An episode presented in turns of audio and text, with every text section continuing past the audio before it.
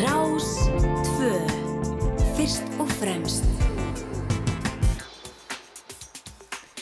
Já, góðan daginn ágætu hlustendur. Þá leggjum við að stað hér á Rás 2. Ég heiti Felix Bergsson og þetta er þátturinn fram og tilbaka.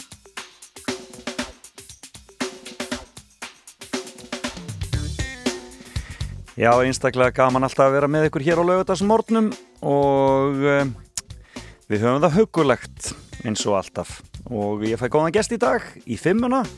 Það er engin önnur en söngkonan Knáa Ragnæður Gröndal og um, já, hún ætlar að koma með skemmtilega fimmu fyrir okkur hér og um, fræð okkur heilmikið e, og síðar í þættunum ætlum við síðan að fjalla eins og um það sem gerist á deginum í dag er 13. november og uh, svo verður uh, fréttagetrun á sínum stað.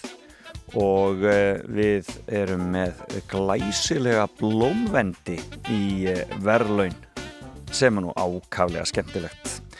Fyrir þá sem að já, vilja gefa blóm og það er einhver, einhver skemmtilegu dagur í dag. Fárum betur í gegnum það hér á eftir hvaða, hvaða degi við fögnum í dag en uh, það er, er sem sagt einhver, einhver, einhver gleði dagurinn Já, já, almennilegt. Það er feðradagurinn, já, það er þannig sem það er. Það er feðradagurinn, svona maður nú lélugur að muna þetta allt saman. Það er feðradagurinn í dag. Og tveir glæsilegi blómöndir hér og við munum gefa þá í fréttageturinu eftir. Eða réttar að sagt, þeir verða velunin fyrir þá sem að tekst að komast í gegnum þá síu.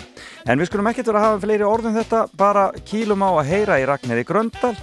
Eh, byrjum á lægi hennar eh, sem að heitir Húmarað og svo förum við rakka að spjalla.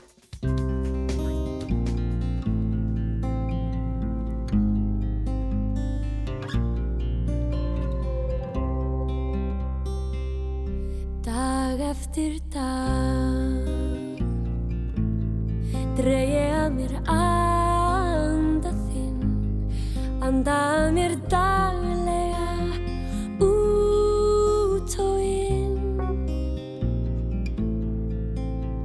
Já, dag eftir dag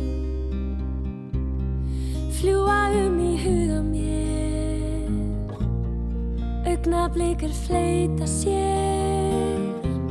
Á tímans hafi flei sem áfram líða. Nótt eftir nótt læðast að mér hljóðlega. Laumast inn í huga minn.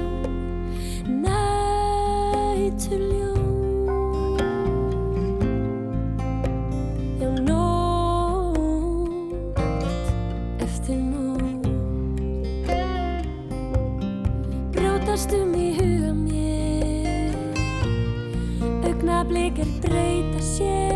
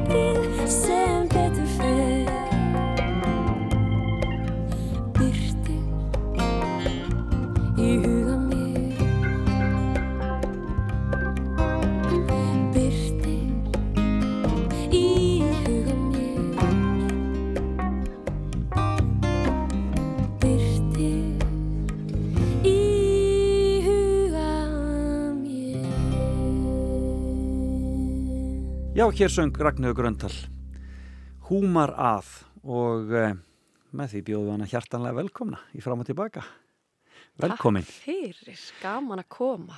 Vetrar, þetta er svona, já, þetta er svona þín vetrarljóð Já, að, þessi lög og þetta lag er búið að fylgja mér alveg síðan 2004 Ég hef bara svo leis þegar þessi plata kom út Já.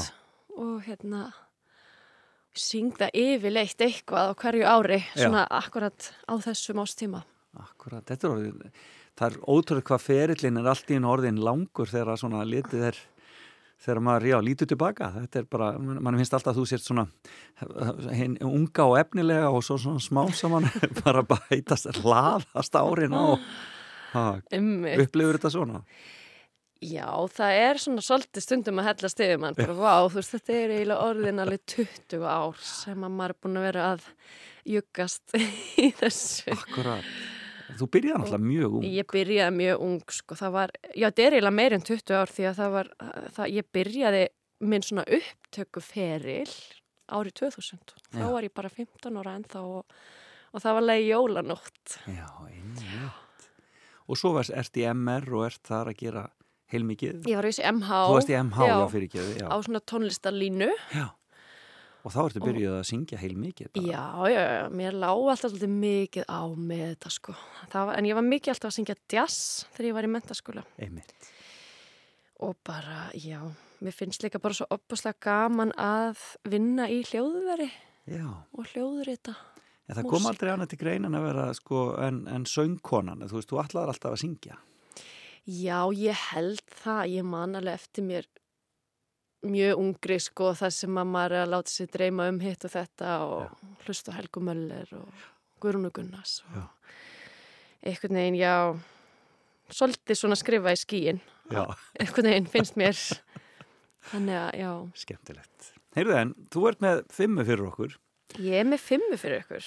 Og uh, það er það er matartegundir. Mm, Ertu mikill matgæðingur? já. Ég er ég er grænkeri sko. Já, og hérna er alveg bara ég elska öll matvæli úr plönturíkinu. En skemmtilegt. Og það hérna.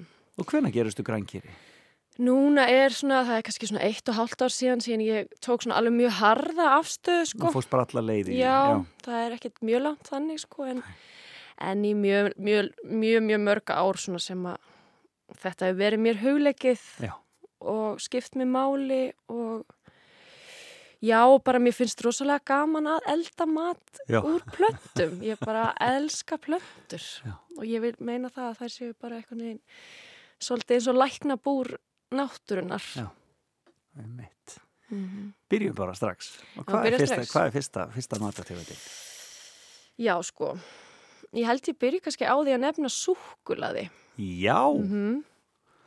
Og þá er ég náttúrulega ekkert endilega að tala um kannski nóakropp eða, eða svona einhvern hefbundi mjölkusúkulega eins og maður kannski sjúkur í, eða margir eru með sjúkur í, ég er að tala um alveg svona að minnstakosti svona 70% Já, dögt, sko. já. bara frá Suður Ameríku Já, helst og, og það er svona ég nota það bara mjög mikið í mínu daglega lífi og í matargerð þá líka bara? Nei, kannski ekki mikið í. Mhm. nema og sérst náttúrulega kannski bakað eitthvað svoleiðis en þú veist, ég bý mikið til þú veist, heita drikki úr súkulæði ok þú veist, annarkost svona kakó eða, eða meira svona kakao þar sem þú veist að nota alveg 100% mjög ramt súkulæði Já.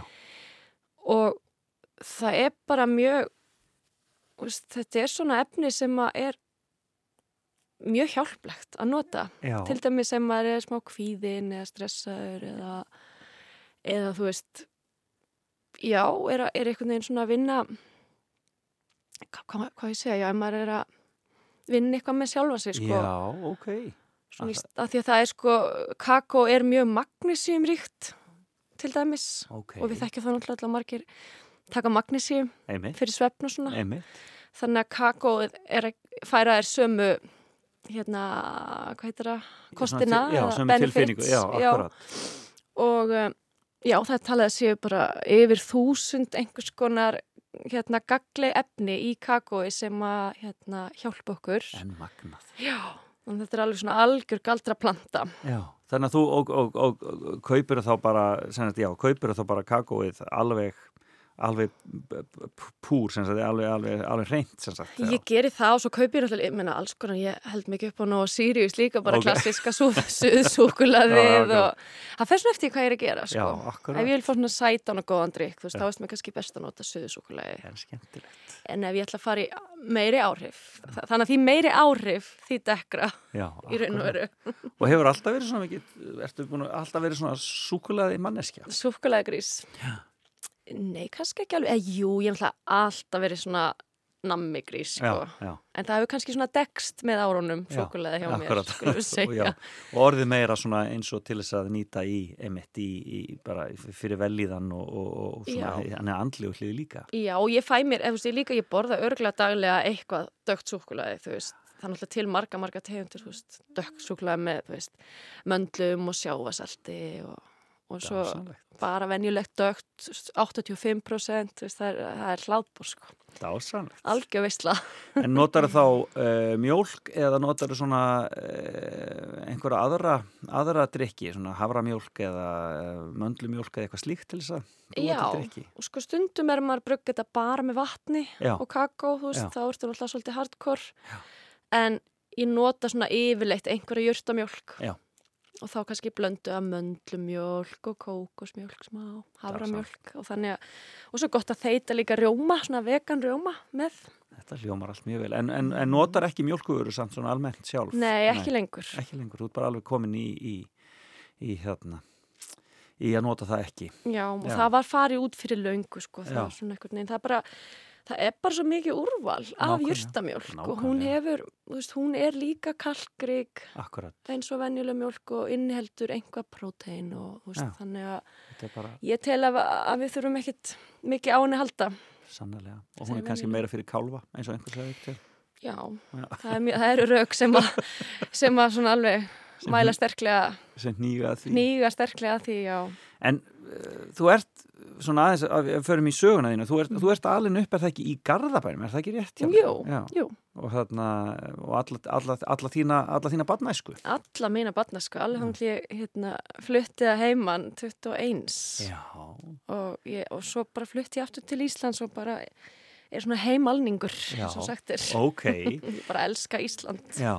En uh, þá, tókstu þá strætó í, í mennskólinni Hamnarhlíð? Njá, það var ekkert oft, sko. Nei. Ég er svona prinsessa, sko. Já. Það var náttúrulega sem að pappi keirði mig að því að ég vaknaði óvart aðeins of seint Já. og hafði ekki tíma til þess að taka stræt og En er músík í fjölskyldinu þinni? já, það er mjög mikil músík mm. bæði í forföðu mínir voru sérstaklega afi minn var mikill skemmtilegt. og spilaði, hann hétt Hauku Gröndal. Já.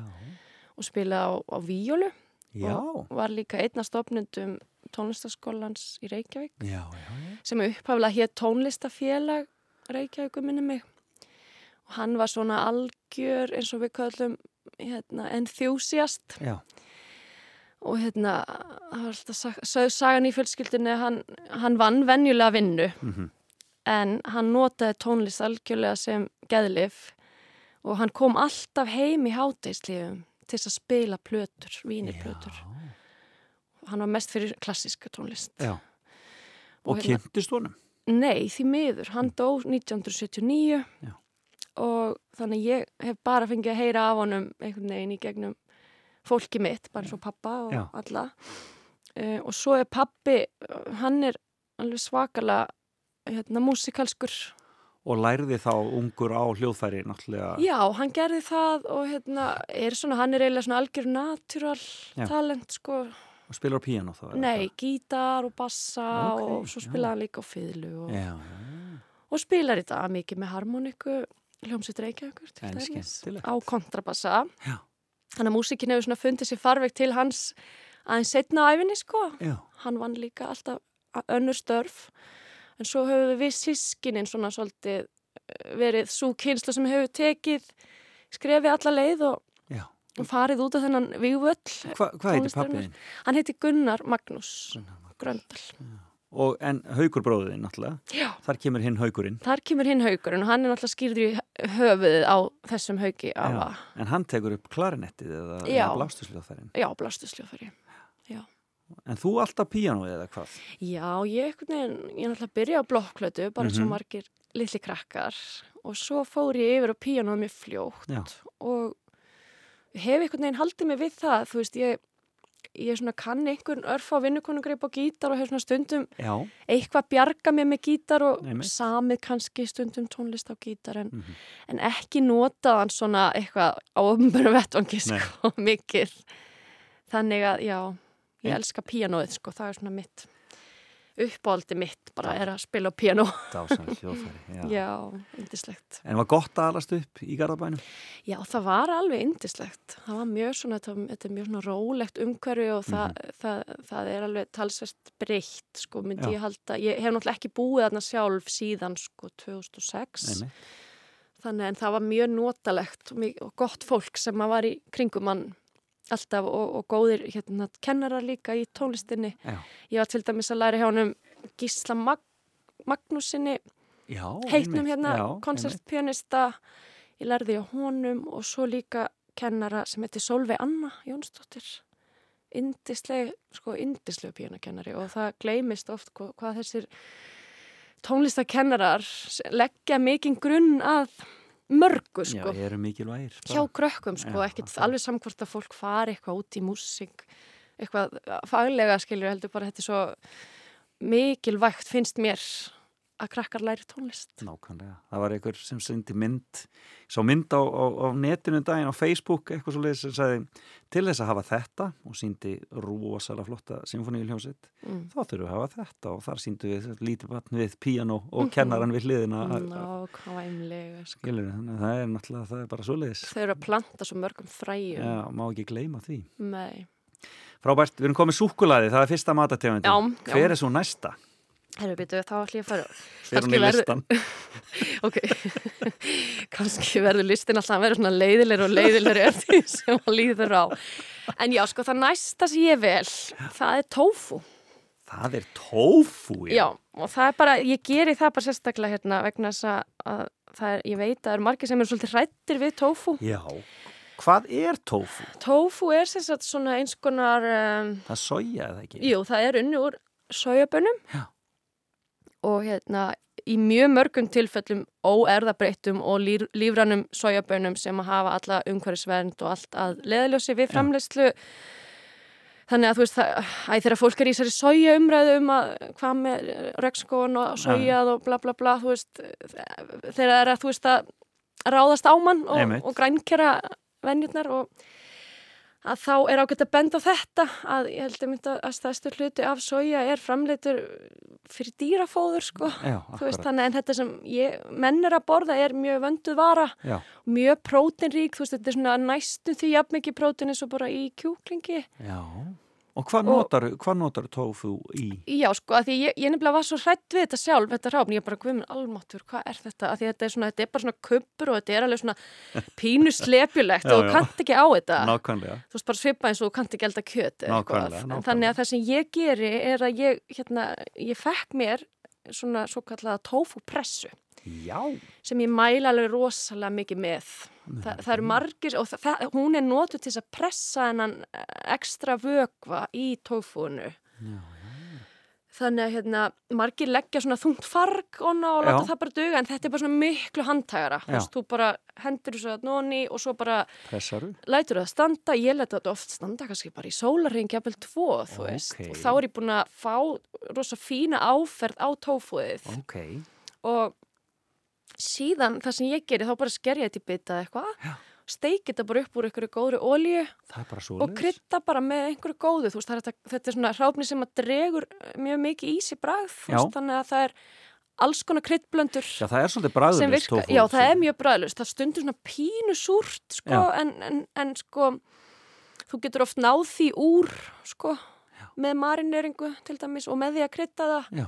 Þannig að þú næstu Og- í býrð bara til rétti sem að þú myndir annars gera með kjöti eða einhverju slíku bara með nefnilega, tofu. já, þetta er svona svo skemmtilegt, veist, ég er oft bara það er þetta, þú veist, bæði hafa svona pínu austrænt austrannan braga á sem með, þú veist, nota sojasósu og hvítlaug og og kannski smá sigur og eitthvað kortsterkju, þú veist, og fá þá svona meira svona, kín, þú veist, Asian eitthvað væp Já, akkurat. og, og hérna, það er svona mjög algengt sko en síðan getur þú rauninni krytta þetta hvernig sem er sko. Og borðið þetta oft á þínu heimili?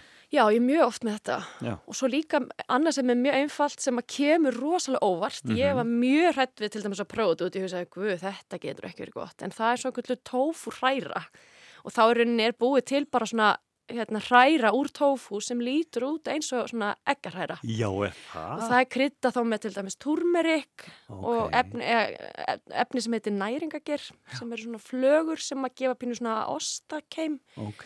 svo kannski bara salt og eitthvað svona gott þú veist, jurtamjólk og, og hérna og þetta er bara rosalega góður réttur bara virka sem kvöldmatur og, og Frábært. dögurður og, og hérna, það, bara ég mæli með þetta kemur mjög óvart þannig ég er mjög ástriðufull tofu hérna kona Eldið þið bæði á heimilinu? Eldar gummi líka?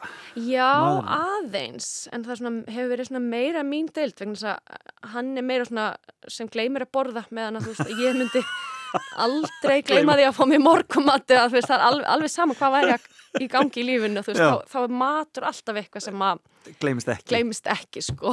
Almennilegt. Já, hann gleymir að borða. Já, ég, Ég get alveg þú ímyndað hann er ekkert að spá í eitthvað, þú veist, sjö klukkutíma fram í tíman, þú veist, Já. hvað á að vera í kvöldmatinn. Æmitt. Ekki eins mikið og ég allavega. Nei, akkurat, akkurat. En hann er alveg til í, hann alveg Já. til í þetta græna fæði. Já, já, já. Man er, sko, man er, það er, man byrjar að líða betur. Já, veist, þetta er svo létt fæði. Já. Þannig að yfirleitt er að mín reynsla svona, þú veist, fólk er kannski með eitthvað fordóma til að byrja með, en svo þegar að smakka matinn að þá, þá einhvern veginn svona finnur það bara hvað plönturnar eru að vinna sitt starf einhvern veginn á góðan hátt í líkamannum. En hefur þetta þá verið alltaf stórmál hjá þeir að vera með almennett eldús frá því við hóst svona þinn eigin búskap? Nei, ég get nú ekki sagt það. Það var Nei. nú alveg þegar ég byrjaði að búa þá var nú oft bara með Marland kekspakka og lítir á mjólk og, og, Og, og tvær og mikið hérna, heimilsbröð með osti, þú veist, það ég líð alveg mjög ofta okkur þannig og það, æ, þú veist og maður borðar alveg enn þann dag í dag mikið úti, eða þú veist maður reynir að velja svona ódýra, eða svona nokkuð ódýra staði, Já. þú veist ég held að það sé bara nútíma maðurinn sko Já, akkurat. því miður eins og ég elska að elda mat og gefa mig tíma og Það er alltaf þessi hlaup. Já. Lessu hlaupin, sko. lessu hlaupin og harkið og allt þetta Akkurat. Heyrðu, hvað er þriðja? Herru þriðja, Þriðja matategundin. það er mjög skemmtilegt Segðu, segðu. Herðu, þá er spurning hvort ég fari bara yfir í okkar gamla síkilda og góða brokkoli, Já, spergilkál. já, já, já. Ég fæ reglulega mjög mikið svona mikla löngun í brokkoli. Ok, af hverju? Ég held að sé játnið Já, og svo náttúrulega mikið C-vitamin þannig að það er svona eflandi fyrir ónæmiskerfið í veit, svona veturna. Já, ég bara elska, ég bara nota, nota rosalega mikið í, og það bæði hrátt og svoðið eða, meira svona elda það aðeins það Já. er gott að opna það aðeins með Mhm. því að, veist, það er alveg nóg að hella bara sóðnu vatni yfir já, í smá stund ok það er ekki að sjóða mikið Nei. bara svona aðeins til þess að opna Já, opna mólekúlin já, í því já. Og, hva, og notar það þá bara sem sérstakann rétt eða í rétti bara stundum bara brokkoli mér stundum bara brokkoli kvöldmatt og þetta er, þetta er fyllt með mjög lengi eins og þegar ég bjó í New York þá bara fór ég sérstaklega, ég held ég, ég veit ekki hvað ég borðaði oft, það var eitthvað svona kynvisku staður. Já, og hann bauði mitt upp á eitthvað, bara steikt brokkoli, alveg fullur diskur með eitthvað svona svartri svona, ég veit ekki hvernig sósu, svona soja, eitthvað, já, eitthvað, svo leis já. og svo bara svona brún hrísgrun til hliðar. Þú veist, ég bara, ég lifði á þessu sko. En frábært. Í bland við pítsur og beglur náttúrulega en þú veist, þetta er bara já, og því að bró- svo er líka alveg þú veist, miða við grammeti að Já. þá er frekar hátt prótingildi Já. í brokkoli Já. ammunisýrur sko.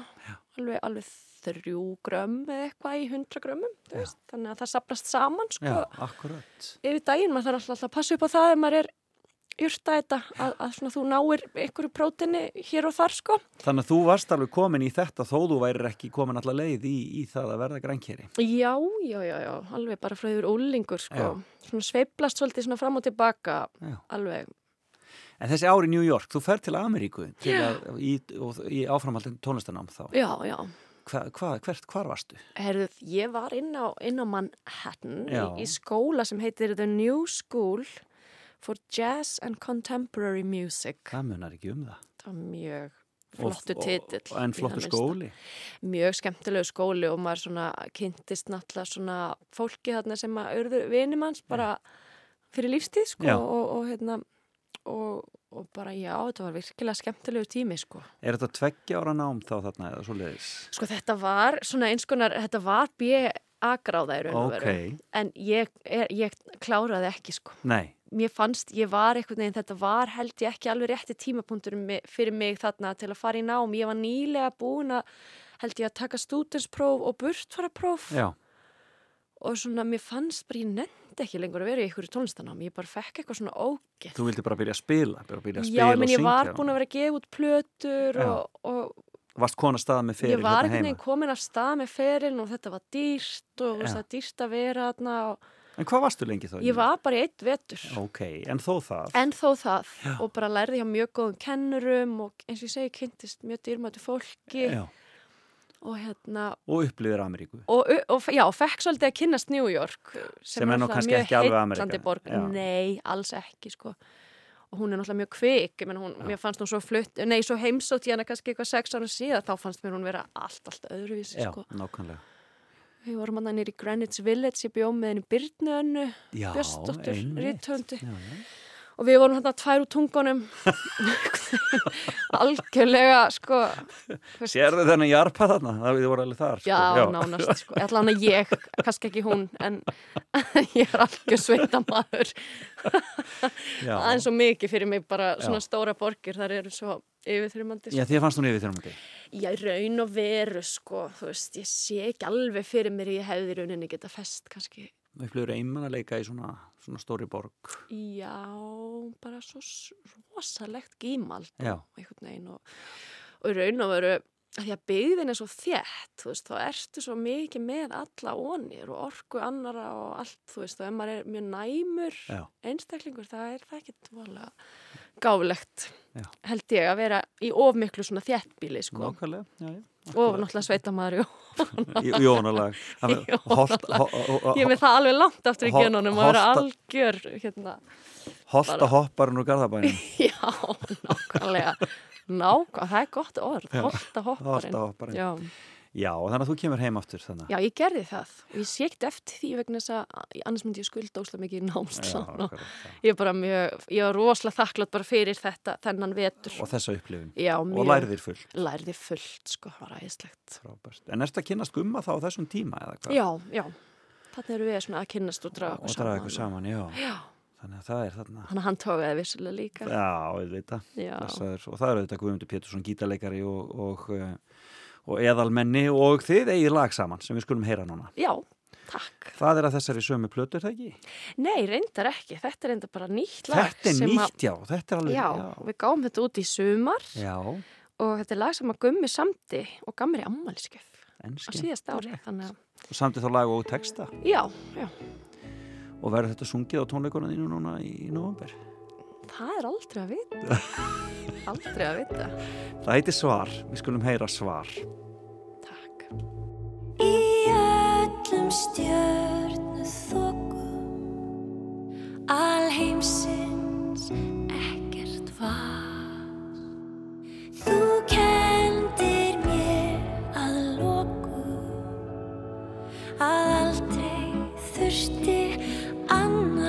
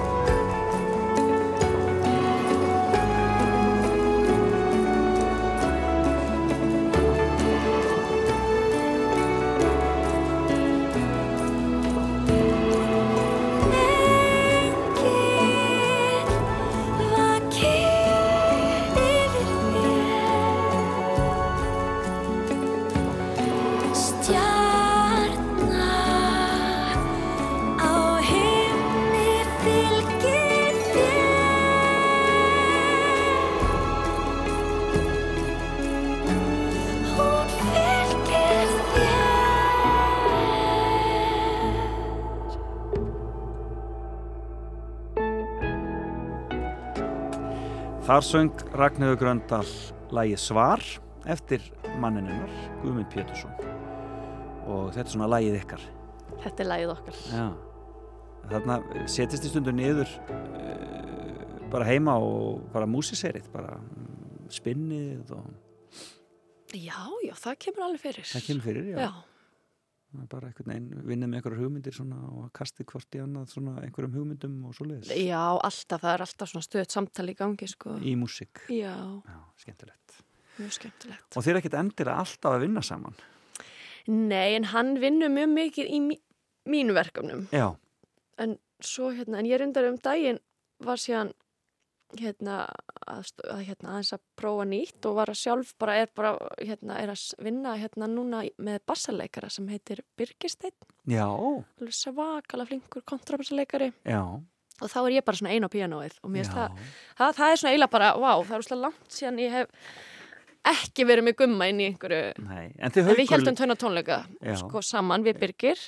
En svo náttúrulega gummi auðvitað spila með bara rosalega mörgum og í mörgum svona stórum verkefnum og Einmitt. alls konar einhvern veginn þvert á stíla og, og svo er hann líka með sitt. Veist, hann var núna að starta svona mjög skemmtilegri tónleikaröð í Ölveri í Glæsibæ. Já, ok, mm af öllum stöðum.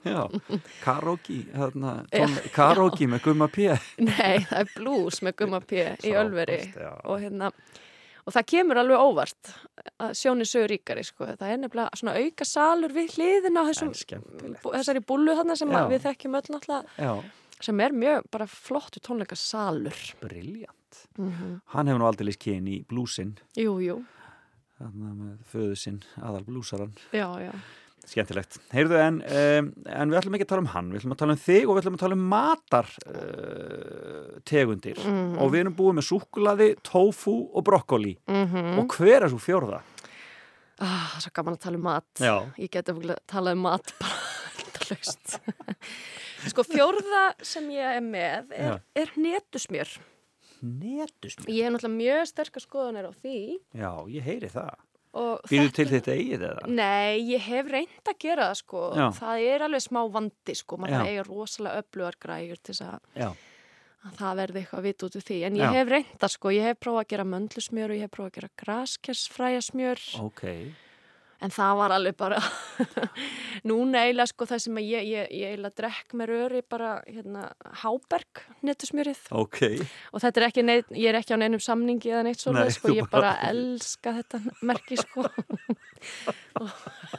En er þetta, en er ekki mismöndi hvernig þetta er búið til? Er þetta ekki hana, mis uh, umhverfisvænt og svo leiðis? Svona, Jú, svona vörur? væntanlega sko, en eins og Háberg, þeir til dæmis eru mjög strángir á því hvaðan þeir eru að flytja inn sínar netur, jarnetur sko, Já, og þeir eru að mjög miklum gæðum ok. og ég reyndar þekki það svo sem ekki nákvæmlega hvar, hvaðan þeir kaupa þeir og byrgjan, sko, en, Já, en þú veist, það eru til allavega mjög mikil gæði frábært. og vonandi líka umhverfisvænt, til að vona það, en Já. það er sko, Og hvernig notar það? Notar það bara í matagerð þetta þá? er bara í allt maður, það er alls konar, það er notað í Út á brokkoli?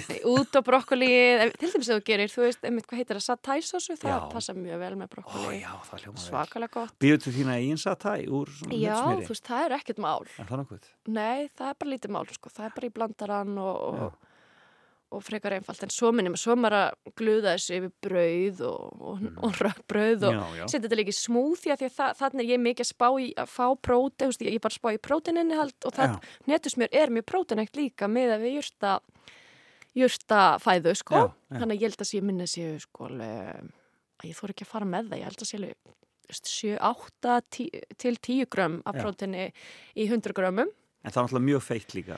Já, en þú veist, sko sem grænkeri, þú veist, þá, þá, þá mátt alveg við þessari fytu, þú veist, þú Já. veist náttúrulega ekki að fá neina metta fytu úr dýrum, þú veist, þannig að ég er ekki það að ég seti ykkur 100 grömm, eða borði ykkur 100 grömm á dag, Nei. þú veist, en ég minna alveg, alveg tvær matskeðar eða eitthvað, þú veist, og maður setur þetta havragrautinn og, og bara svona, Já, hafragrautin, er þetta Já, gott út af hafragrautin? þetta er mjög gott út af havragraut og, og Háberg var til dæmis að koma núna með ákveðna nýjung á markað Nú. sem er aldrei hættulegt. Já.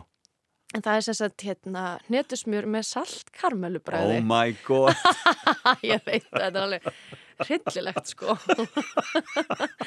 þú veist og þá ertu náttúrulega er komin. nú bara komið sigurinn í þetta og allt saman, sko. Já, já, já, og svo erst þú eitthvað á kvöldin, eitthvað yfir Netflix með eplabita, smyrja því á Þetta sko. er dásamlegt. Í svona sjálfsblekkingu sko. Ég, það hef ég prófað, ég prófað netusmjör á epli mínu, Já. það er rosalega gott Það er saman, fer mjög vel saman Það er svo og gott snakk sko, Já, bara vill til að maður borðaði bara aðeins og mikið að því já, það er sko. aldrei oft þannig sko. Það er aldrei þannig. Þannig að það er svona, já, maður er að passa kannski aðeins magni vissulega, Já. sko. En þú veist, Svona það er samt skárraði pælið í því, þú veist, að sitja með netusmjörsdóllu fyrir fram að Netflix, Já. heldur en kassa hrömbutum eða, þú veist, að því að ég finn allavega mjög svona mikinn mun, sko, þú veist, þannig að aldrei gott að borða of mikið bara yfir höfuð, en, en, en sko, mér finnst ég finna oft svo rosalega fyrir því svona andlega og líkamlega e, þegar maður er að fá sér svona alveg salgæti, salgæti, þú veist, hrömbitan og kropp, lakrís, þú veist, eitthvað svona sem er, að því að það erstu bæði með sigurinn en líka öll þessi auka efni. Já, já, Þú veist, þetta er ekki alveg svona hrein varabeinlis, að því hún er það mikið unnin. Já. Og mér finnst það hafa mjög svona og þú drastisk finnur það bara, áhrif. finnur það á líkamannum bara. Já, ég finn það mjög drastist, sko. Þannig að, Áhugavert. En líf, Mhm. líf eh, tónlistamannsins já, og eh, þeir eru bæði, þeir eru bæði svona frílans eða semst ekki í fastri vinnu. já. Hvernig gengur þetta, gengur þetta upp alveg? Já, já, það gerir það alveg, sko. Maður hérna, Er þetta kvíðavaldandi? Er þetta, þú veist, er þetta þarna, upplifur að, að, að þér finnst þú vera að, hérna, að þurfa að skipulegja þig og, og hlutinni séu svona, ég hvað ég segja, þetta sé svona stundum dálítið erfitt bara. hreinlega. viltu heiðalegt svar? Já, já, endilega.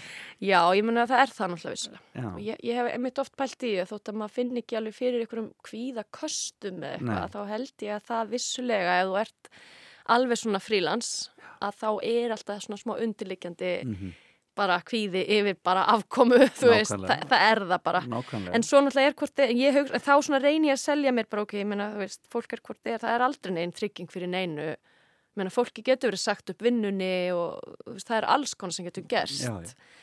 Þannig að, þú veist, ég hef metið það meira að hafa þetta frelsi sem fylgir því að, að bara vera, vinna bara hjá sjálfum sér. Já, já. Já, og vissulega maður, þú veist, maður upplifir því að vinnutímin er náttúrulega miklu sveigjanlegri og þú getur alltaf svolítið stýrt í svona einhvern veginn hvenar þú ert að vinna mjög skipulega og hvenar þú ert meira í einhverju brainstorm eða Nákvæmlega, en, en gerast ekki að- oft líka að þú ert bara komið of mikið á, Jú, að það er bara of mikið í gangi að því að Jú. það er líka þetta að segja alltaf já já, er ákveðin eh, svona maður þarf að gera það, það ekki? það er svolítið pressa, já, Já. maður þarf að, maður þarf, já, man, maður er allan að upplifi sig en ég held samt þú þarft ekki að gera eitt niður neitt, veist, þetta er alltaf bara Nei, nei, val. akkurat, og ég menna líka oft gott að hugsa, já, ef ég segi nei við þessu, þá kannski er ég að búið til pláss fyrir eitthvað annað til að Akkurat, já. koma inn, sko, Segir og oft hérna- nei. Já, já, ég reyni það, þú veist, ég reyni að hlusta svona á mælirinn, já, eins og sagt er, af því, að, af því að ég held, ég trúi líka því að það sé best fyrir, sko, alla, það sé best Mhm. fyrir heldina ef allir myndur, allir reyna að hlusta á mælinn, þú veist, innra með sér, í staðin fyrir að vera að halda og þurfa að vera þóknast einhverjum með því að gera eitthvað sem að þið kannski langar ekki til að gera og finnur það kannski stert innra með þér að þú, þú átt ekki að vera að gera eitthvað. Akkurat, og þá er svona, finnst mér mjög mikilvægt að fólk bara leifi sér þá að fylgja því. já, akkurat En þetta er, hvað er þetta svona sem, að, svona sem þú ert að gera? Þú ert, ert, þú ert ekki að kenna neitt, er það? Ekki núna, nei. Nei, hefur hef verið í því? Já, já, ég hef oft verið í því og það er bara verið mjög gaman líka og gefandi. Já. Og hérna, núna er, menn ég syng mikið til dæmis við útfarir Já, sem ég finnst alveg indislegt og ég er Mhm. með þakklátt fyrir að fá að gera það mhm. Og minnst að vera svona gefandi vinna. en svo er það líka brúðkaupin Svo er brúðkaupin, það hefur verið, mér fundist þér svolítið minnum það núna allan síðustu tvö ár. það er svona já, sannarlega, við Minnum veislur já, út af já. hverju það er Akkurat. en já, svo, það er alltaf svona viss fasti líka og svo geta verið eru við kannski að vinna fyrir ykkur fyrirtæki að koma og skemmta á einhverjum fundum eða Aha, ráðstöfnum aha, aha. eða og svo heldur maður alltaf tónleika maður reynir að vera döglegur við það líka og veist, hitt og þetta sko, þetta er svona alls konar fjölbreytt og nú, nú og svo er maður oft er ég líka að taka þátt í tónleikum kannski með öðrum. Já. það er alltaf mjög skemmtilegt líka.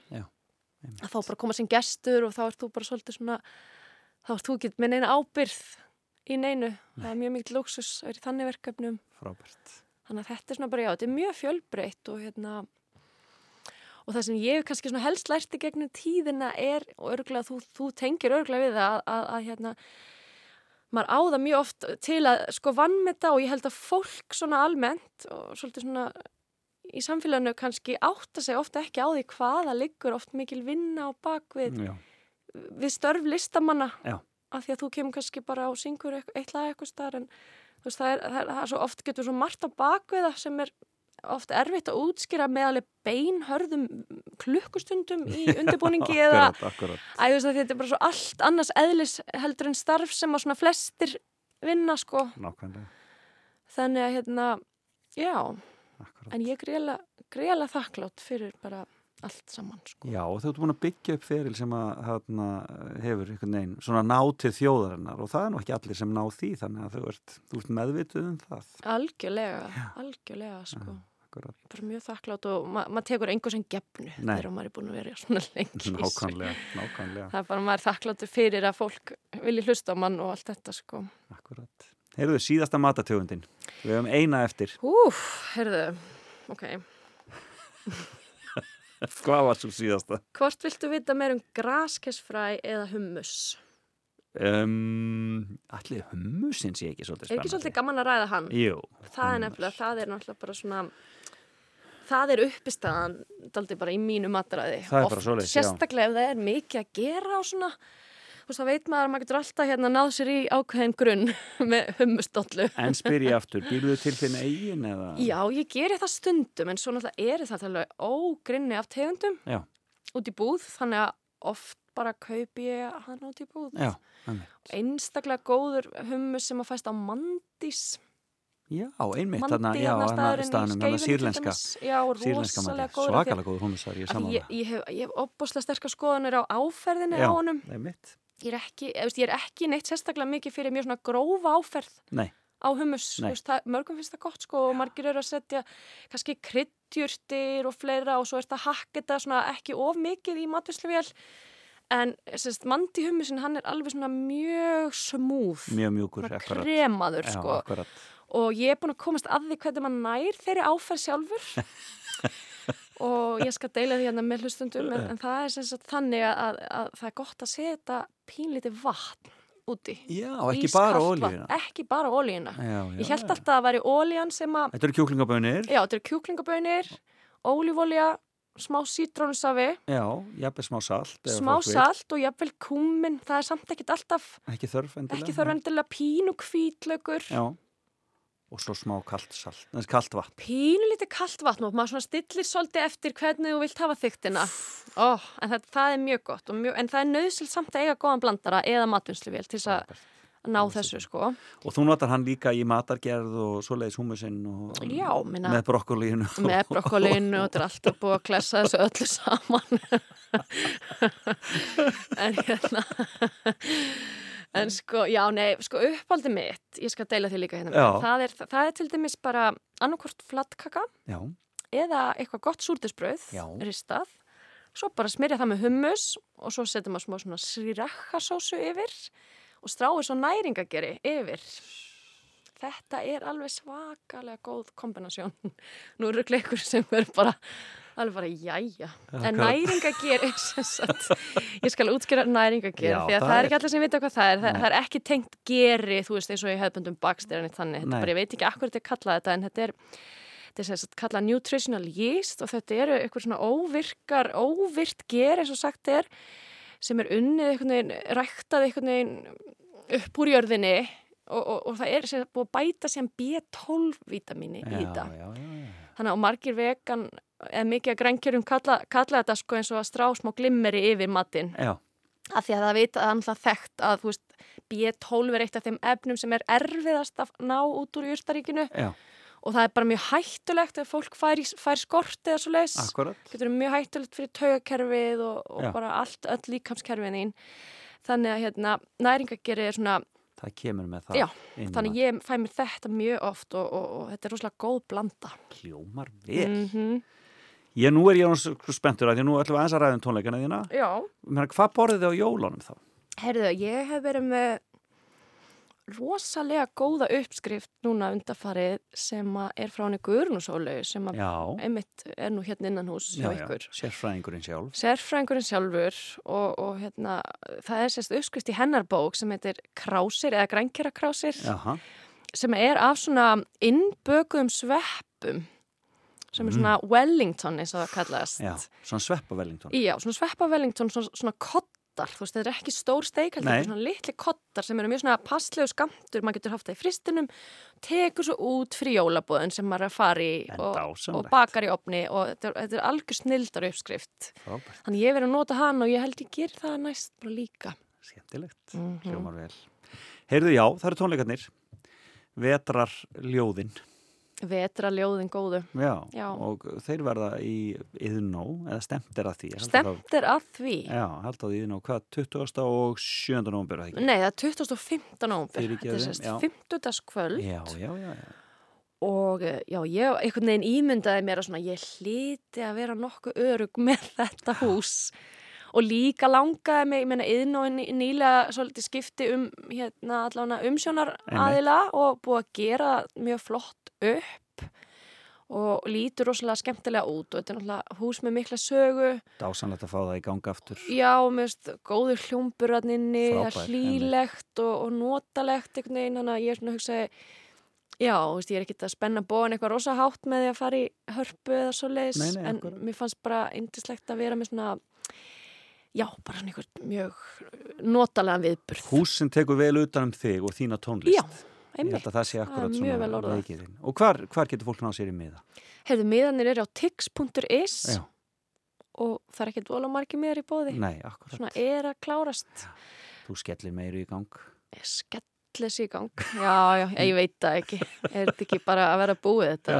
Bara tónleika hald? Eða, nei, ég segi svo. Nei, nei, Nei, nei, Þetta bara, þetta verður bara dásanlegt. Það verður það sem verður. Og Nákvæmlega. ég hlakka bara mikið til. Og í vestafalli, ég menna þá getur maður kannski, hérna, ef, ef allt fyrir á vestaveg, þá er þetta kannski breyta tónleikunum yfir í streymi. Ég hef svona hugsað það. Já, Út í að það getur alveg verið ágætis uh, for, format eða hvað já, sem já, er. akkurat. Það er Ágætis- möguleiki, já, já. að gera það þannig. Þannig að, já, en vonum það besta. Látum hverjum degi 25. næja sína þjáningu þessu og sjáum hvernig verður. Þarna, Já, ef það er eitthvað sem COVID hefur kent okkur öllum held ég, þá er það að, einhvern veginn, að lifa bara svolítið dag í einu, nákvæmlega. Eina svarið. Ragnar Gröndal hafa dásanlegt að fá þig hérna til mín í fram og tilbaka. Súkulaði var það tofu, brokkoli, netusmjör og hummus. Mm. Frábær fimma. Er? Nú fer maður bara heim að elda. En það ekki, yes. Ta- takk. til tali við ef ykkur vantar uppskriftir. Ég- er bara, ég er alveg opin bók. Takk fyrir það. Takk. Velkomin á Fætur. Fram og tilbaka á Rástfö. Já, þannig hljómaði það. Þetta var nú Ragn Heiðu Gröndal sem var hjá mér og dásamlegt að vera með hana hér og heyra af þessum fimm matartegundum í fimmunni hennar. En það fyrir að líða nýju fréttum. Leifum snorra helga sinni að klára fram að nýju og uh, svo höldum við áfram í fram og tilbaka og ég ætla að frumflýta lag hér á næsta klukktíma.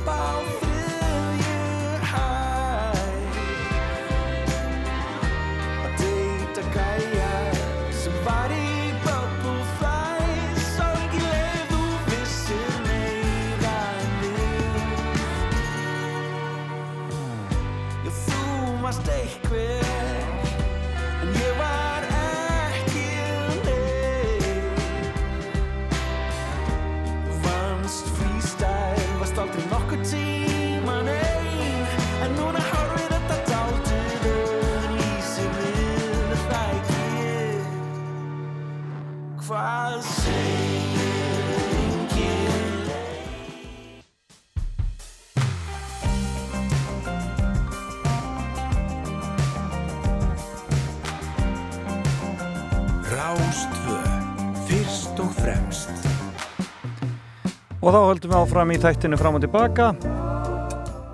Og byrjum á þessu stórkostlega lagi með Hjálmum og Prins Pólo Grilliðinn Er þetta ekki einhver besti texti síðar í tíma? Við erum þetta svo góður í textagerð. Hérna er prinsinn eins og hann gerist bestur. Hann setur ekki grilliðinn Ekki þetta sinn. Fyrir veturinn Hann setur ekki grilliðinn Þó úti blási vindurinn. Geskurinn. Hann setur ekki grilliðinn inn í dimman bílskúrin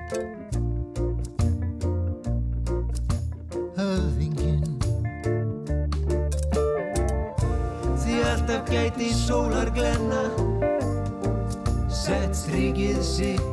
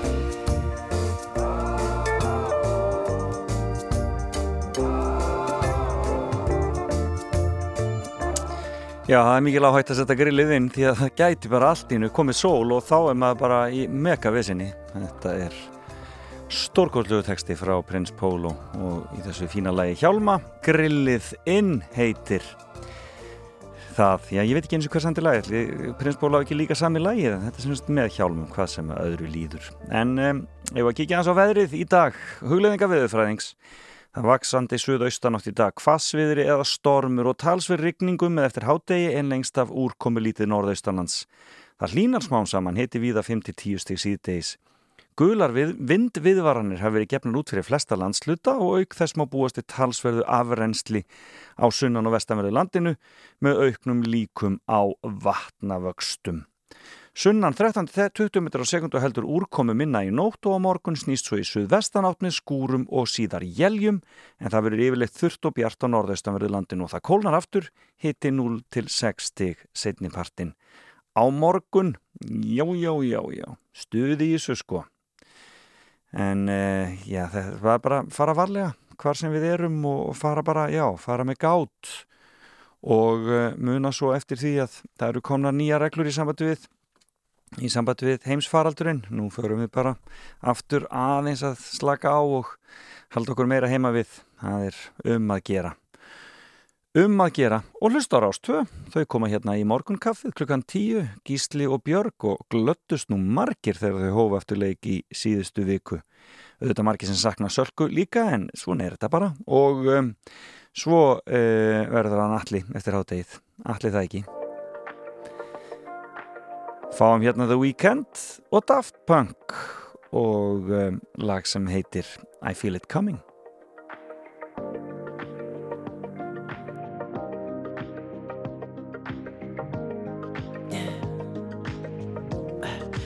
Tell me what you really like. Baby, I can take my time.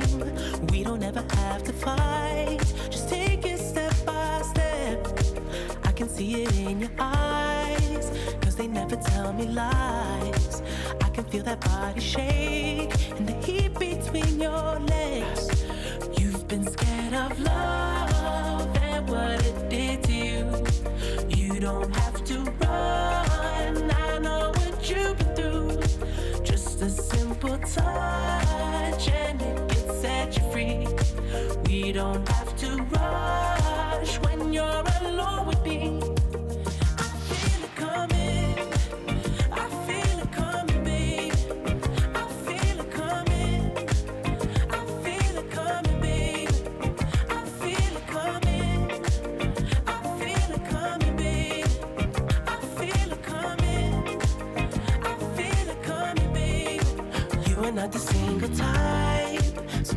the perfect time.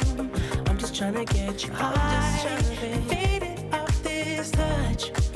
You don't need a lonely night, so baby, I can make it right. You just gotta let me try to give you what you want. You've been scared of love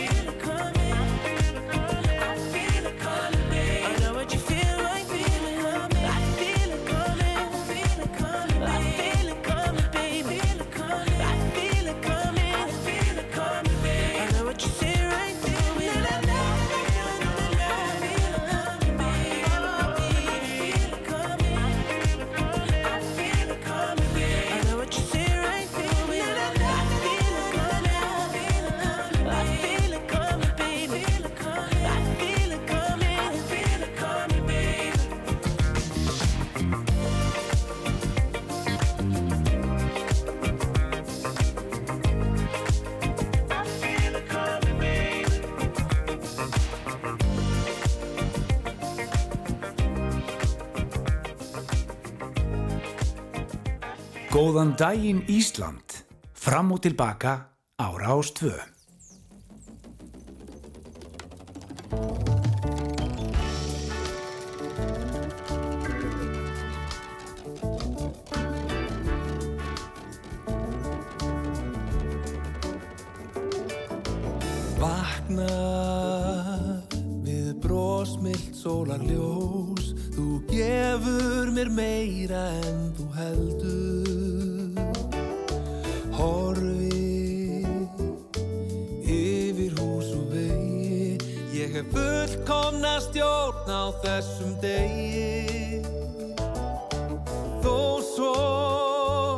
að myrkrið herja á þig. Mundu hvað ljósið felur sig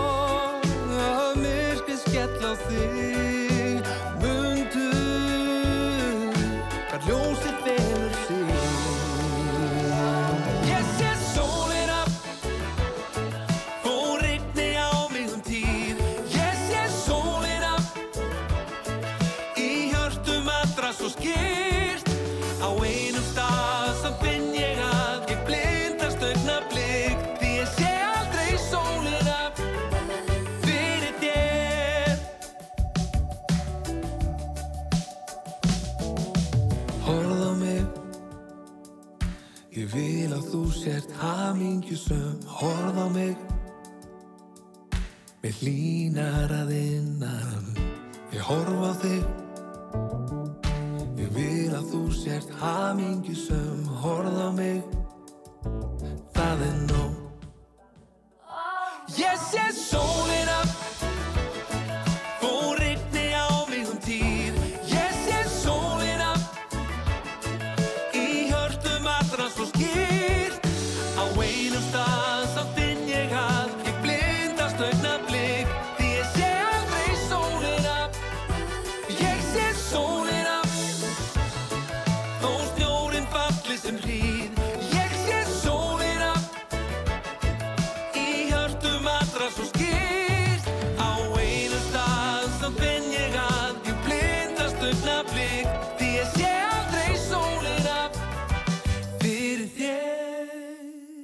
Þannig hljómaði það, ég sé sólina og það var að sjálfsögðu Sverri Bergmann sem söng þetta með Albatross og hann er ammælis barn dagsins. Og það leiðir okkur auðvitað að því að skoða hvað gerðist á þessum góða degi sem er 13. november og það var vittlis í mér að segja það í morgun að í dag væri feðradagurinn því að feðradagurinn er á morgun. Hins vegar er í dag alþjóðlegur dagur góðmennsku. Hvernig finnst ykkur það? Það á nú vel við okkur hér í fram og tilbaka. Sína öllum ekstra mikla góðmennsku í dag. Já, bara alla dag. Allir dagar eru dagar góðmennsku. Þannig á það nú víst að vera. En um, já, það er ímislegt sem gerist á þessum degi, 13. november. Þetta er þrí- þrí- 317. 317. dagur ásins. 300. og 17. dagur ásins. Samkvæmt gregoriska tímamtalinu og það eru 48 dagar eftir af árinu. Já, já, já, já, já, eins og uh, eins og allir þessi dagar hafa verið að sanna fyrir okkur. En um, já, hvað gerast mik- mikið á þessum uh, degi eins og ég sagði áður? Uh, Haraldur Hérafótur var gerður að landstjóra í Englandi eftir lát föður hans Knúts Mikla.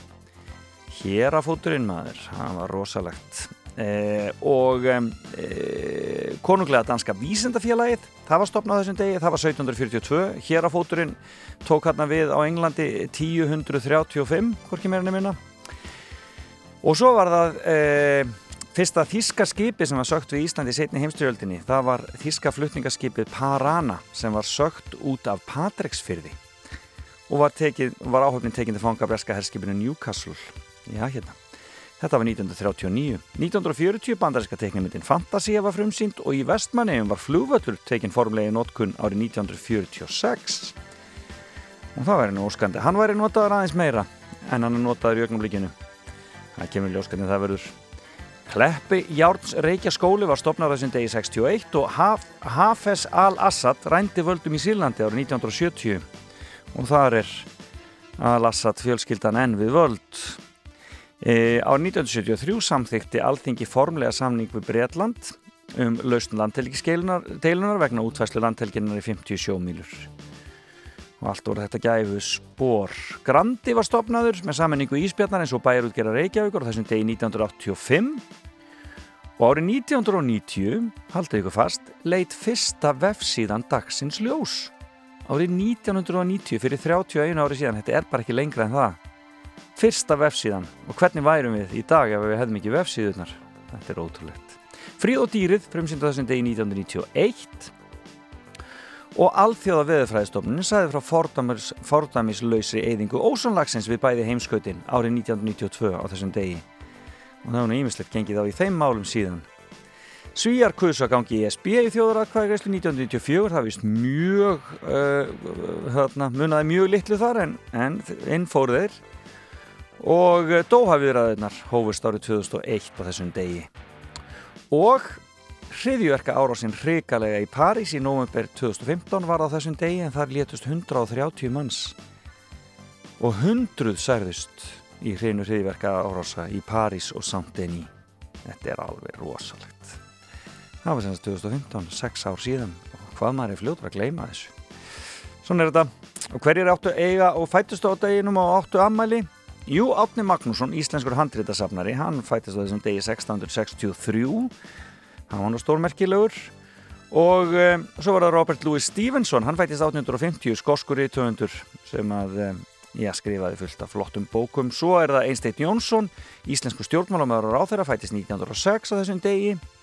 Og svo hlaupum við langt fram í tíma 1955 Whoopi Goldberg. Hún á amal í dag Solveig Laura Guðmundsdóttir Víkslubiskup hún er einu ári yngri en Whoopi Goldberg hún á líka amal í dag Og svo er það Gerard Butler, skoski leikarin Knái sem hefur nú komið hér hinga til Íslands og leikið. Og uh, uh, Sverrir Bergman Magnússon sem ég myndist á hér áðan, söngvari í uh, Albatross. Hann á líka amal í dag fættur 1980 sko með óskum öllum ammælisbörnum innilega til hamingi með daginn. Og já, látum þessari yfirferð um dag góðmennskunnar. 13. november lokið og eh, en við ætlum að fagna feðradeginum sem er á morgun á eftir þegar við förum í fréttageturinn og þá getur við ringt inn og tekið þátt í fréttageturinn reynd að vinna blómvönd og eh, já gefið ykkur sjálfum eða einhverjum föður ykkur staðar það er bara alveg tilvalið og þessi blómvöndur að sjálfsögðu Eh, í bóði eh, íslenskra blómabænda. En það verður á eftir sem við förum í fréttageturina, fyrst skulum við hlusta aðeins meiri músik og við skulum byrja hér á frumflutningi á nýju lægi með Karl Olger Tríó, það er Karl Olgersson og félagar hans og Salkasól með þeim. Þú ert að hlusta á Rás Við gerum brjáðbáta og stefnum þeim til hafs. Þeir sigla út á sjónarönd í átt til sólarlags. Og fram á gangi hljóna fóta tökinn þín. Svo hverfur inn í svifrikið og með því svörin mín. Það varst þú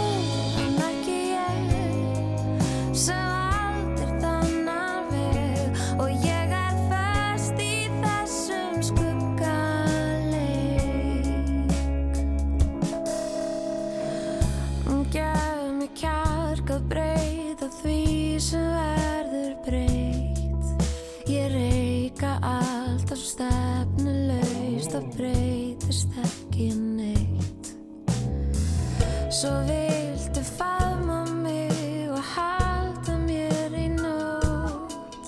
Og morgun er bara minningin um hverfi líka fljótt. Því það varst þú en ekki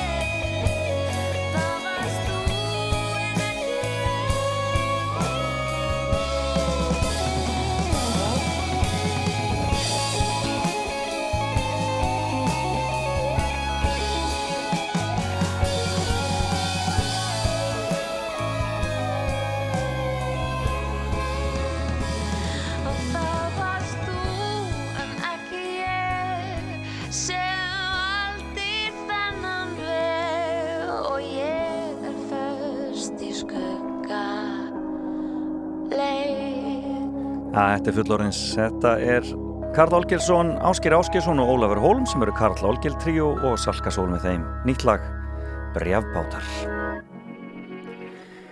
En hér er eitt sem eru aðeins eldra og alltaf gaman að rifja upp, þetta er náttúrulega Quarashi, eins og þeir gerast bestir og hefur frábæra Stars.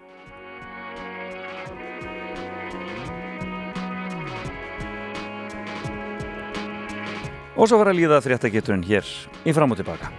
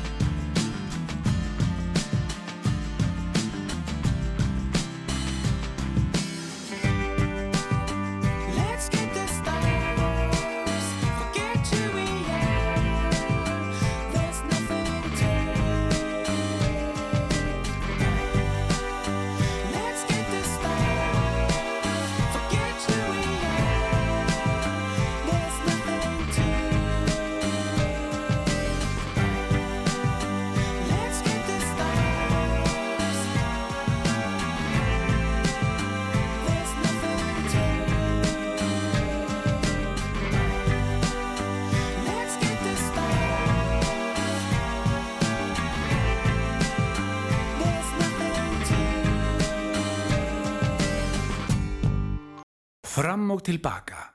Ljúfur laugadagsmorgun á Rás 2. I think I've had enough. I might get a little drunk. I say what's on my mind. I might do a little time. Cause all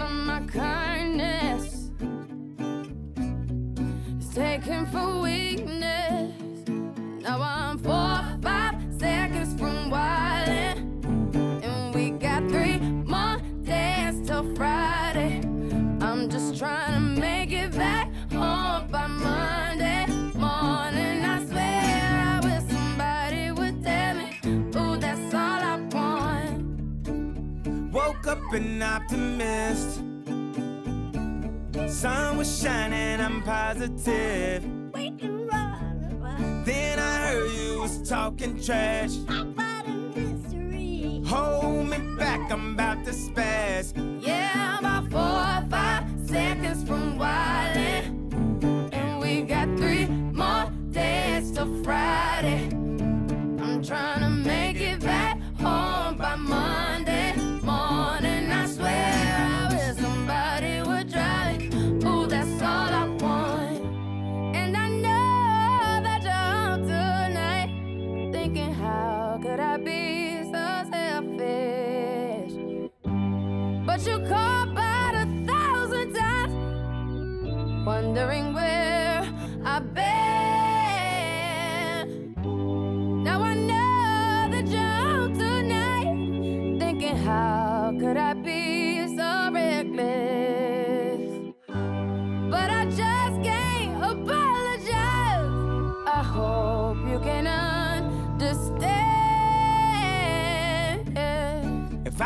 to jail tonight, promise you'll pay my bill. See, they wanna buy my pride, but that just ain't up for sale. See, all of my kindness mhm, is taken for weakness. Now I'm four five seconds from wildin' dance till Friday.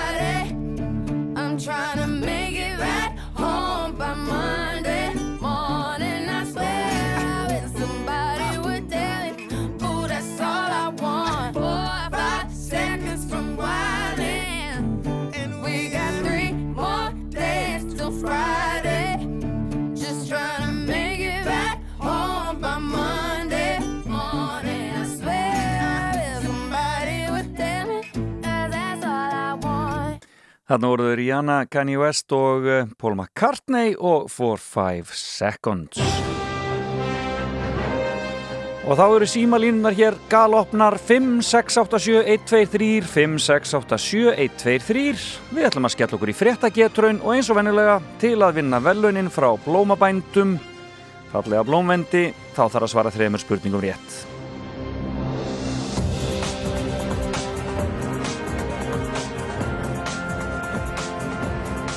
Og línur byrjar að loga nema hvað. Allir til í fréttagetraun, skulum heyri fyrsta. Góðan daginn, Góðan daginn.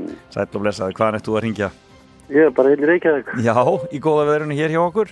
Já, já. Já, það fer nú að blása okkur víst upp úr háti en við látum það ekki. Við látum Nei, það sem, vind, eh, sem vindum, eh, hvað er það segir Látum það sem vindum yfir fljóta. Já, akkurat, nákvæmlega. Já, já, já, já. Heyrðu, þú ert Já. góður í fréttunum.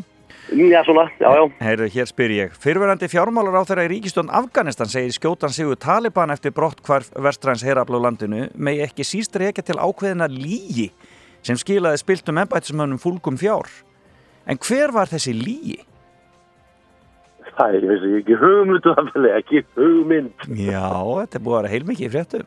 Já, ég er bara, ég mista þessu Þú er mistað þessu. Heyrðu, kæra Takk fyrir fyrir. Takk, já, flott, bless, bless. Heyrðu, hann mistað þessu. Góðan daginn. Góðan daginn. Góðan daginn var ekki ofskráning á hermannum. Heyrðu, þetta er bara alveg hár rétt hjá þér.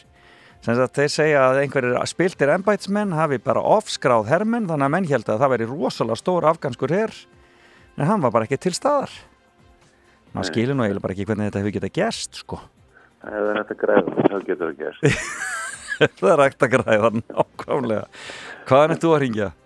Úr Reykjavík. Úr Reykjavík, já, já, þetta er, svona er þetta. Heyrðu þið, þú ert komið eitt rétt og þá spyr ég. Magnús Þór Jónsson var í fréttum í vikunni og ég er ekki að tala um Megas. Hvers vegna var Magnús Þór Jónsson í fréttum? Hann var kosin hérna formaður kennara sambandsins. Hárrétt hjá þér, vel gert. Hárrétt. Já, já, já, já, heyrðu þú ert komið tvö rétt, ætlar að klára þetta bara hér eitt, tveir og þrýr, hvernig er þetta? Verði ég ekki að finna eitthvað sæmulega erfitt fyrir því hérna? Heyrðu, geimferðarfyrirtæki eitt hefur selt um 100 farmiða frá því að Richard Branson, stopnandi í fyrirtæki sinns, held út í geim í sumar. Fyrirtæki stefnir að því að hefja almennar ferðir fyrir lok árs 2022 og alls það var selst um 700 miðar frá stopnin fyrirtækisins. En ég spyr, hvað heitir fyrirtækið?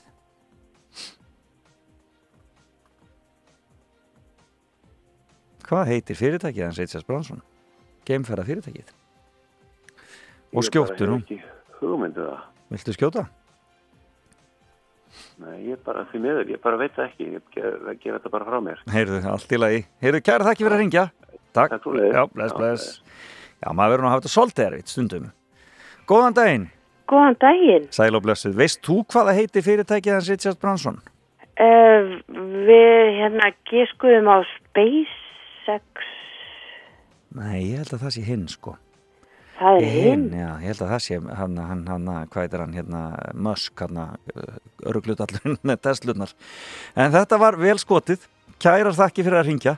Herðu, takk fyrir Já, svoleiðis. takk fyrir. Já. Já, við erum ennþá að reyna að komast að því hvað það heitir fyrirtæki hjá Richard Branson. Góðan daginn. Nei, þessi veit að greinilega ekki. Einhverju vita það samt. Góðan daginn. Góðan daginn. Góðan daginn. Veist þú hvað það heitir fyrirtæki hans Richard Branson?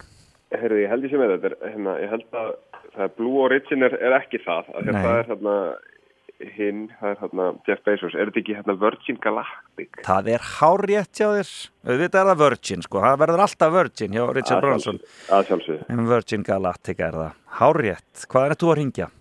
Er ég að hringja á Kópavóinum? Þú ert Kópavóinum, þetta er bara, það allir hér á höfuborgarsvæðinu. Já, hér er gott að vera. Það er gott að vera. Heyrðu, þá spyr ég.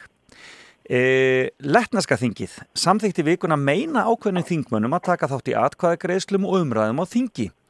En hvaða þingmenn eru þetta? Ó, nú ertu alveg lettneska.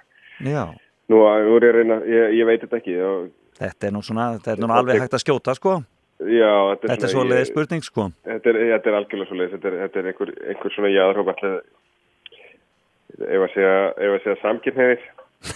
Nei, nei, það er ekki samkynniði þingmenn, þetta er aðrir þingmenn. Heyrðu, Jæja, takk fyrir að ringja, takk fyrir. Já, bless, bless. Nei, hann hafði ekki. Góðan daginn. Já, góðan daginn. Góðan dag, veist þú hvað þingmenn fá ekki að taka þátt í atkvæðagreiðslum og umræðum á lettneska þinginu? Voru það ekki hérna óbólusetti þingmenn? Það er nefnilega alveg hárið til þér. Það eru óbólusettu þingmenninir. Vel gert. Ekkert mega þeir. Ekkert mega þeir, þessar elskur. Svona er þetta. Já, er þetta ekki þannig? Það má ekkert, er þetta ekki þannig? Nei, nei. Heyrðu, þá, þá spyr ég þið hér. Evróskur ráðamaður hefur þérnað um 700 miljónur króna fyrir störf sín utan þingsinn síðustu 14 ár. En í vikunni kvatti þessi ráðamæður þingmann til að verja tíma sínum og kröftum í þá umbjónda sinna í staði þess að taka sér önnur störf. Hver er þessi ráðamæður sem tala svona í austur og vestur? Uh, sko, nú var, ég, nú var ég ekki alveg með þetta, sko. Það er mikill ráðamæður, hann stjórnar miklu þessi guður. Já, ég, ég held ég verða, Og ekki skjóta? Evróskur. Skjóttu. nei, ég ætla, ég ætla að geta fram. Þú ætla að geta það þér? Ok, Já, Heyrðu, takk, takk, takk. fyrir það, takk fyrir það. Já, hvaða ráðamaður er búin að græða 700 miljónir undanferðan ár en var samt að segja að menn ættu ekki að, að vinna störfu utan þingsins. Það er einn hérna á línni. Góðan daginn. Nei, þessi veit það ekki. Já, síminn 5687123. Hver er þessi evróski ráðamaður sem að eh, talar svona fjálglega en er sjálfur búin að græða svona vel? Já, er einhver komin hér? Jú, einhver er þarna. Góðan daginn. Já, góðan dag. Veist þú hvaða ráðamaður þetta er? Þetta er náttúrulega íhalspunkurinn Boris Jónsson.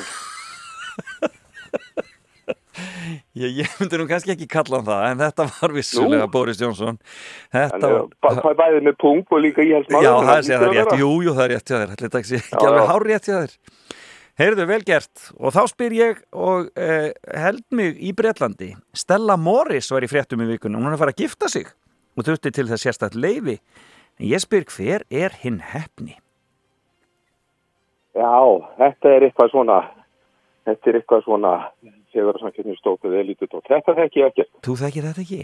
Nei, Ekki þetta er eitthvað giftingar? fólk. Já, þetta Þannig ég gef þetta frá mér. Þetta er ekki, ég var ekki til þessu. Þú Takk ekki til þessu, takk fyrir að ringja, takk. Já, hérna hér, við erum bara að missa fólk hér alveg uh, úr, úr höndunum með þetta. Býtu, næsti. Góðan daginn.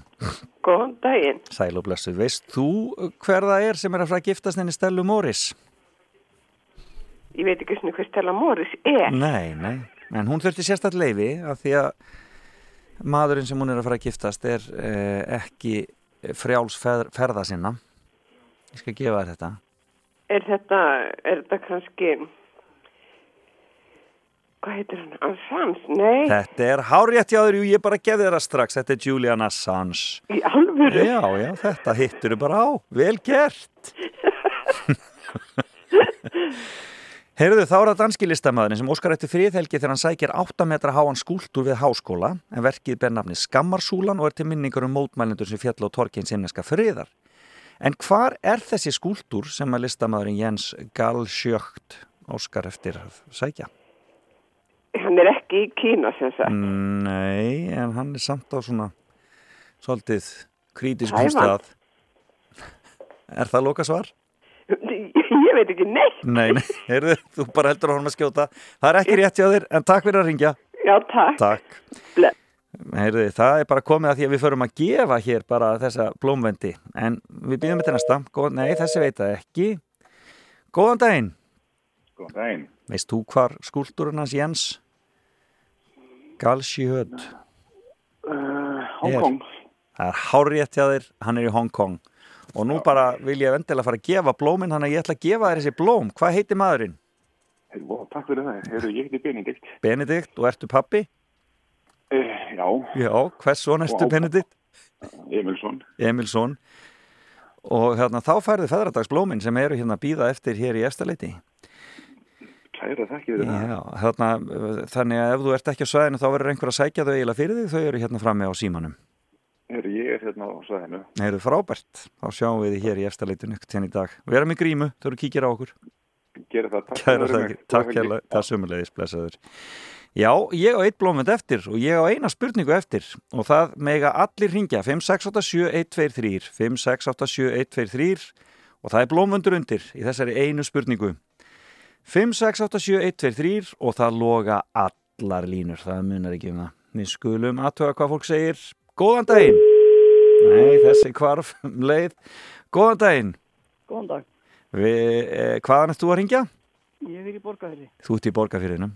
En getur rent eftir blómendi ef þú getur svara spurningunni rétt. Já, já. Þá segi ég. Þeim gengur ítla með COVID í bandaríkjunum. En í vikunni kom merkilega tölur fram. og fylkin öll þar sem dánartíðin er þrefalt hærri en í hinum fylkjunum eiga eitt sameinlegt. Það tengist pólitík. En hvað er það sem sameinar þessi fylki? Ég hef ekki hugmynda. Nei. og viltu ekki skjóta? Nei. Nei, heyrðu, takk fyrir að ringja. Já, við skulum heyra næsta. Hvað sameinar þessi fylki? Þessi veit það ekki. Góðan daginn. Góðan daginn. Veist þú hvað sameinar þessi fylki? Þar sem að deðsföllin eru þrefalt hærri. Sem eru? Það er dánartíðin þrefalt hærri en í hinum fylkjónum. En þau eru öll eitt sameigilegt þessi fylki þar sem að dánartíðin er svona miklu, miklu hærri. Búm. Hvað er það? Nei, það get ég ekki, ég get ekki svarað. Þú getur ekki svarað því? Nei. Nei, heyrðu, takk fyrir að ringja. Takk. Takk, bless. Hvað sameinar þessi fylki? Hvað eiga þau sameigilegt? Góðan dag. Góðan dag. Gerir þú þig grein fyrir hvað þau eiga sameigilegt þessi fylki? Ég býtt eftir í hugaði sjátundi stjórn demokrata. Nei, það er ekki rétt hjá þér. Ok. Heyrðu, takk fyrir að ringja. Takk, veist. Nei, ekki eru þau þannig. Góðan daginn. Já, góðan daginn. Veistu hvað saminar þessi fylki þar sem döðs, dö, dánartíðin er svona miklu, miklu hærri? Er það ekki reykjablikanir?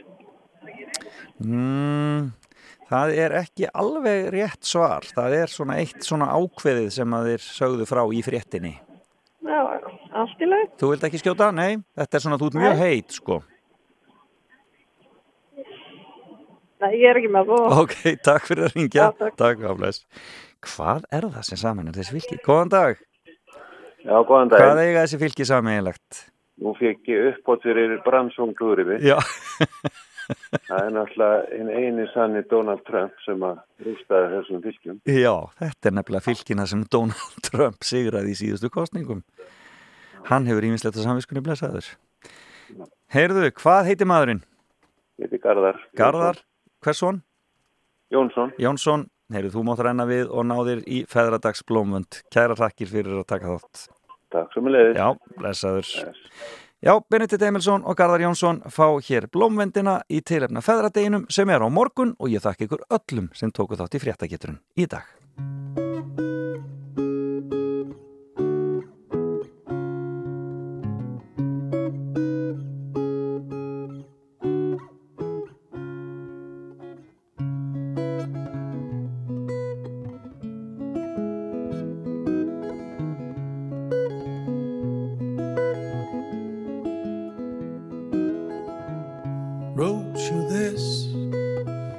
You got it safe. It's been so long, I don't know what to say. I've traveled round through deserts on my horse, but jokes aside, I wanna come back home. You know, that night I said I had to go. You said you'd sunny road.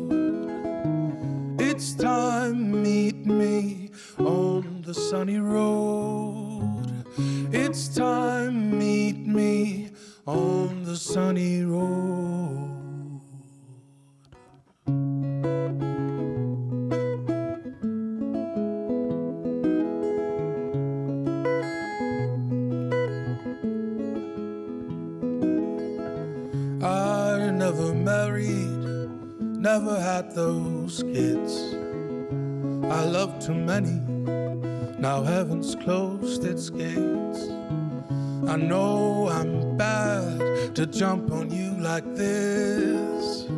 Some things don't change, my middle name still is. I know that night, so long, long time